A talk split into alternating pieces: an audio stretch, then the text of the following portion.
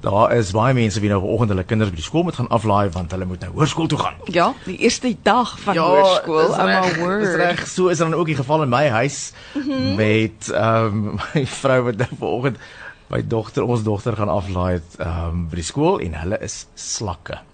So almal het ons nou almal het ons nou een of ander tema, jy weet, jy is nou Jy moet ons nou ingelei word. Ja ja ja.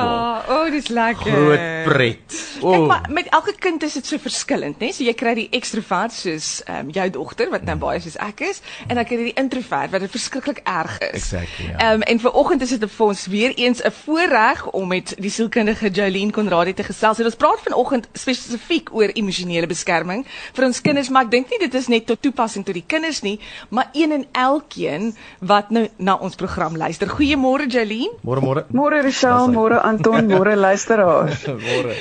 gaan dit goed? Dit gaan goed, dankie. Yes, ons is reg vir 2022. Ons is inderdaad. Nou, hoe reageer mense, maar meer spesifiek kinders op 'n nuwe begin? Ja, ek dink jy het mooi gesê Richelle, mense se persoonlikhede bepaal grootliks hoe hulle gaan reageer op 'n nuwe begin, hmm. maar ook die ondersteuningsbronne. So 'n nuwe begin, 'n nuwe jaar, dit gaan gepaard met nuwe geleenthede, baie opwinding, nuwe ervarings, maar ook onsekerheid oor presies wat gaan hierdie nuwe jaar vir ons inhou. Ek bedoel ja. nie een van ons weet werklik. So sommige kinders floreer absoluut op hierdie uitdagings, nuwe ervarings en veral om nuwe mense te ontmoet, maar vir ander kan dit regtig 'n angswekkende ervaring wees. Vrese kan sy kop uitsteek. Al die wat as vra, jy weet, dit kan nogals aanhaldigend wees. Wat as ek nie kan maats maak nie? Wat as die onderwysers nie van my hou nie? Wat as die skoolwerk te moeilik is? As ons dink hoe moeilik dit soms vir ons as volwassenes is om aan te pas by 'n nuwe situasie. Dink net, hoe moeilik is dit vir daai graad eentjie, daai graad 8 leerder, selfs 'n eerstejaars student of 'n volwassene wat by 'n nuwe werk moet begin. Dit is baie oorweldigend. So, dis belangrik om te onthou dat 'n nuwe begin altyd met 'n aanpassingsfase gepaard gaan en 'n normale aanpassingsfase kan tot en met 3 maande vat. Dit klink nogal slank, maar dis nog steeds normaal. Wanneer iemand sukkel om aan te pas na 6 maande, dan begin die rooi ligte flikker en dan dan is dit iets wat aandag moet. Okay, nou maar hoe kan ons onsself en uh jy weet ook ons kinders dan nou voorberei vir hierdie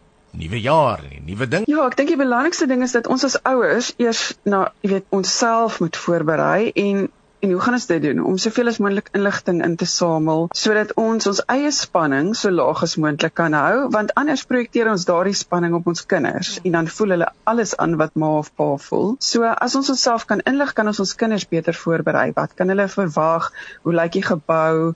Ehm um, jy weet kry daai tas betyds gepak, die skoolklere, die skoolskoene en maak jou kind deel van die proses.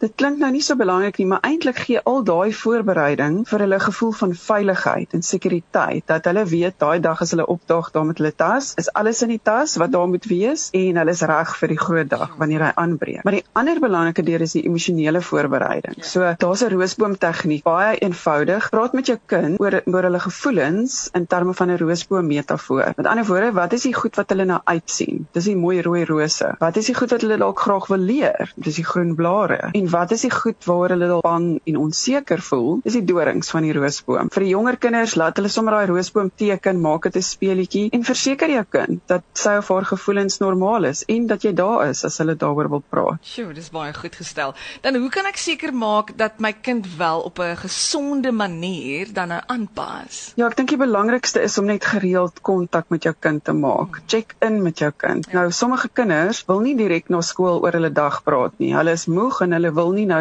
alles weer oor vertel wat nou net gebeur het nie. En dan kry jy ander kinders wat nie kan wag om vir jou te vertel van hulle dag nie. Ja. So lees jou kind, kyk wanneer is dit 'n goeie tyd om met hulle te praat. Jy kan hier weer die roosboom gebruik. Wat was lekker? Wat het hulle geleer en wat was die uitdagings van die dag? So kan jy die hele tyd in kontak bly en as daar enige emosionele behoeftes is wat opkom, dan sal jy dit kan identifiseer en en kan aanspreek soos nodig. En dan net laasens uh, kan jy miskien vir ons sê wat is die kom ons sê nou maar die uh, die rooi vlae ja. om om te sien dat my kind sukkel want jy het hmm. net gesê baie kinders wil nie dadelik yes, praat nie. Ja, waarvoor ons moet uitkyk. Ja, ja absoluut. Ja, ja, ja.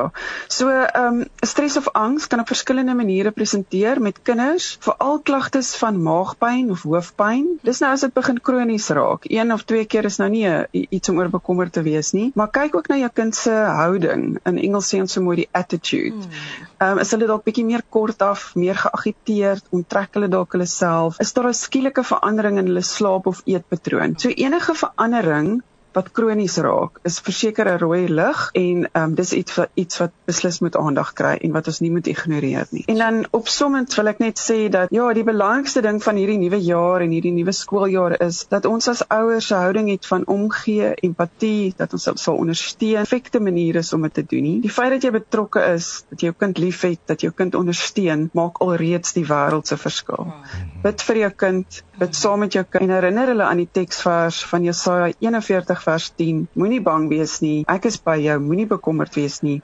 Ek is jou God. Sure, Baie dankie Jolien, was lekker om jou te gesels en uh weer eens sterkte vir jou vir die nuwe jaar, hoor. Baie dankie. Baie dankie. Waardeer dit. Lekker dag. Bye. Totsiens.